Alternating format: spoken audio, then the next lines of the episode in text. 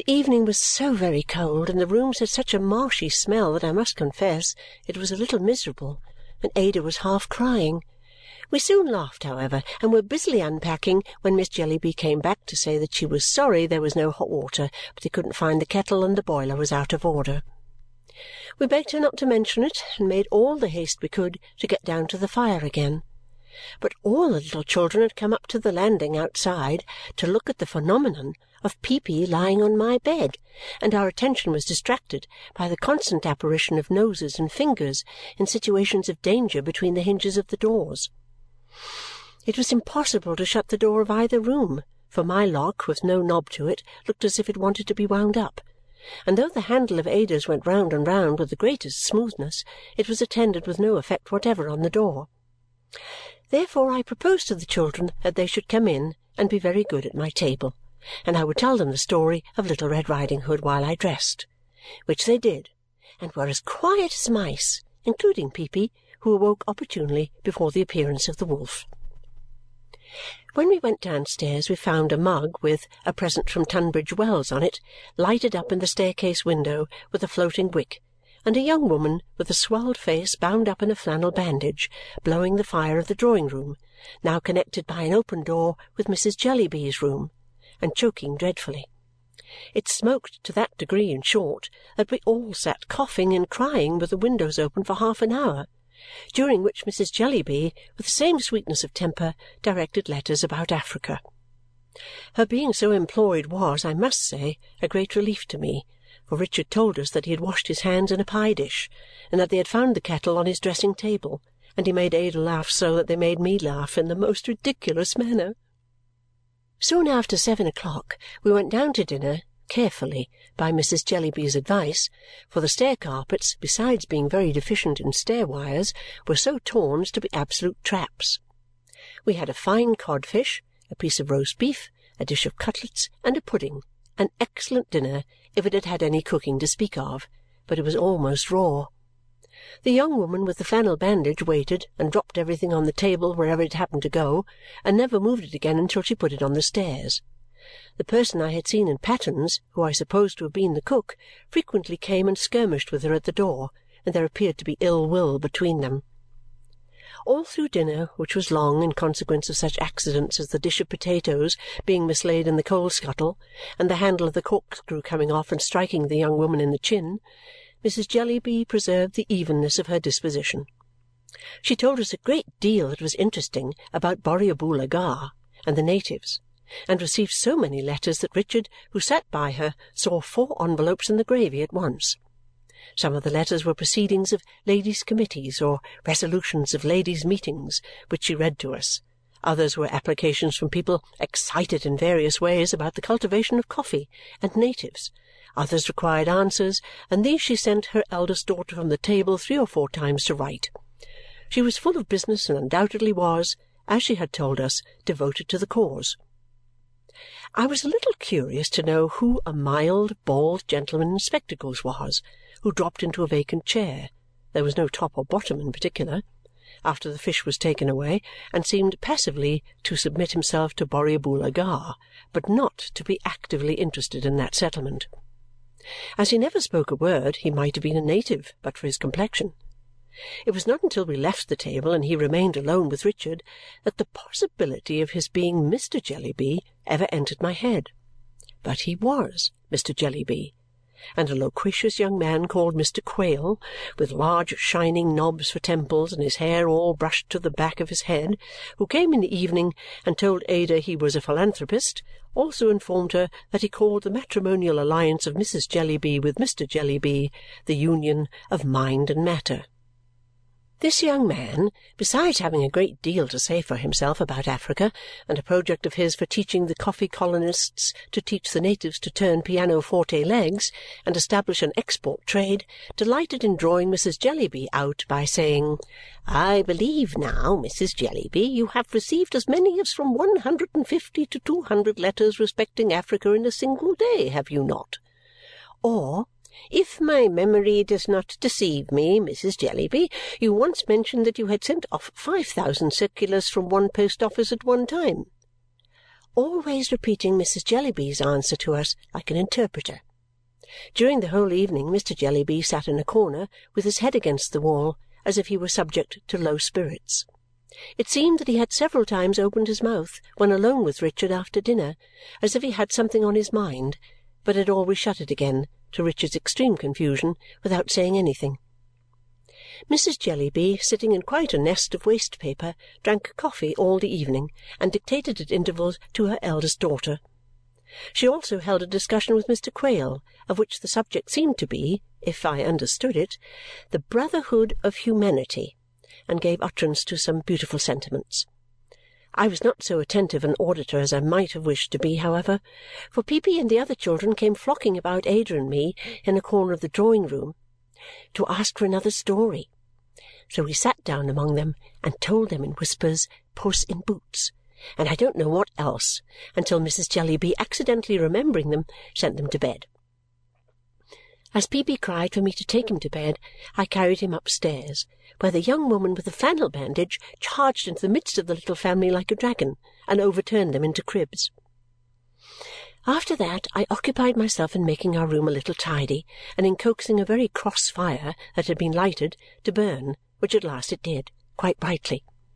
On my return downstairs I felt that Mrs. Jellyby looked down upon me rather for being so frivolous, and I was sorry for it, though at the same time I knew that I had no higher pretensions. It was nearly midnight before we found an opportunity of going to bed and even then we left Mrs. Jellyby among her papers drinking coffee and Miss Jellyby biting the feather of her pen. "What a strange house!" said Ada when we got upstairs. "How curious of my cousin Jarndyce to send us here!" "My love," said I, "it quite confuses me. I want to understand it, and I can't understand it at all." "What?" asked Ada with her pretty smile all this, my dear," said I. "It must be very good of Mrs. Jellyby to take such pains about a scheme for the benefit of natives, and yet Peepy and the housekeeping!" Ada laughed and put her arm about my neck as I stood looking at the fire, and told me I was a quiet, dear, good creature and had won her heart. "You are so thoughtful, Esther," she said, "and yet so cheerful and you do so much so unpretendingly. You would make a home out of even this house. My simple darling! She was quite unconscious that she only praised herself and that it was in the goodness of her own heart that she made so much of me. "May I ask you a question?" said I when we had sat before the fire a little while. "Five hundred," said Ada.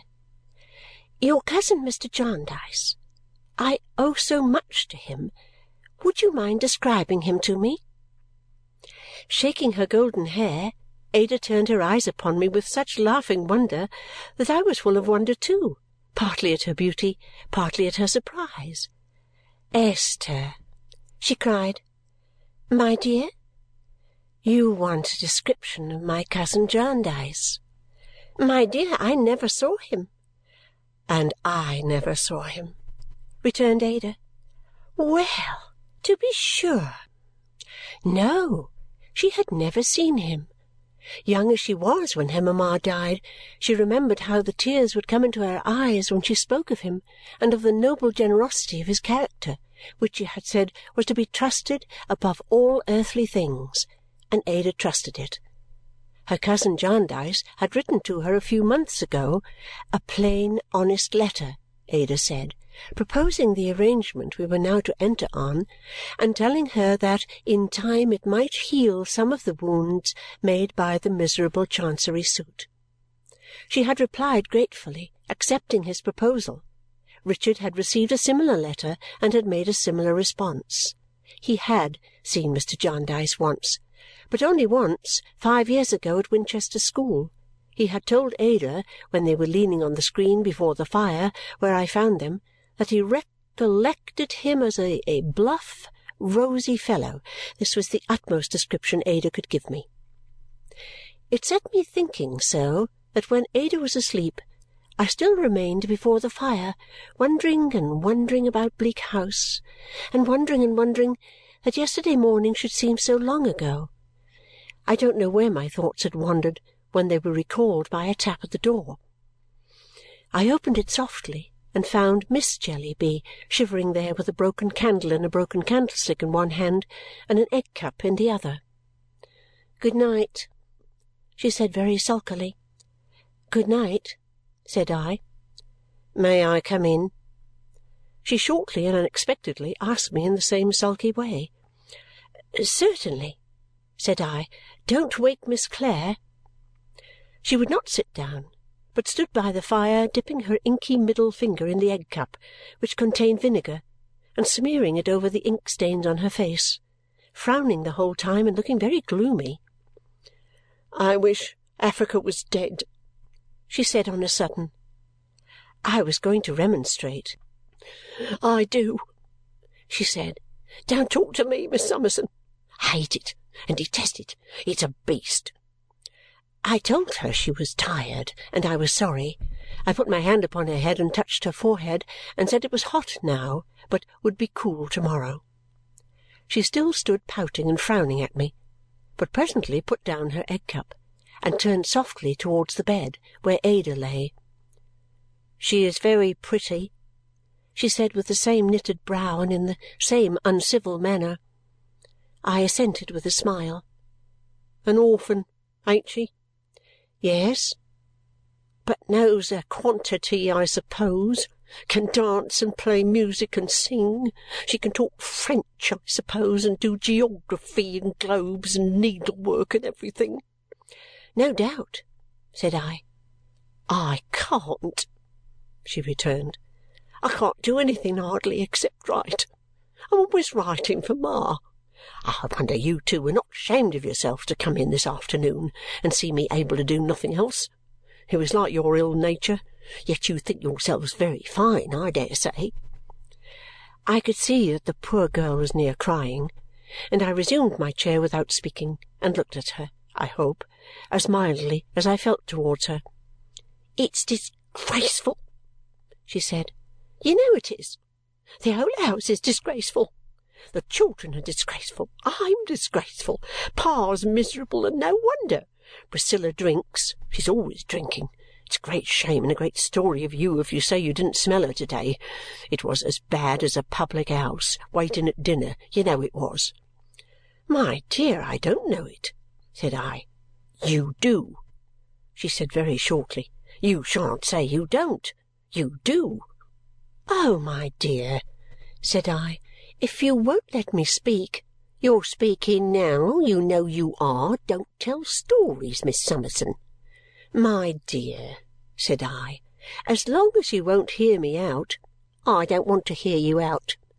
"Oh, yes, I think you do," said I because that would be so very unreasonable. I did not know what you tell me because the servant did not come near me at dinner, but I don't doubt what you tell me, and I am sorry to hear it. You needn't make a merit of that, said she. No, my dear, said I. That would be very foolish. She was still standing by the bed, and now stooped down, but still with the same discontented face, and kissed Ada that done, she came softly back and stood by the side of my chair. Her bosom was heaving in a distressful manner that I greatly pitied, but I thought it better not to speak. "I wish I was dead!" she broke out.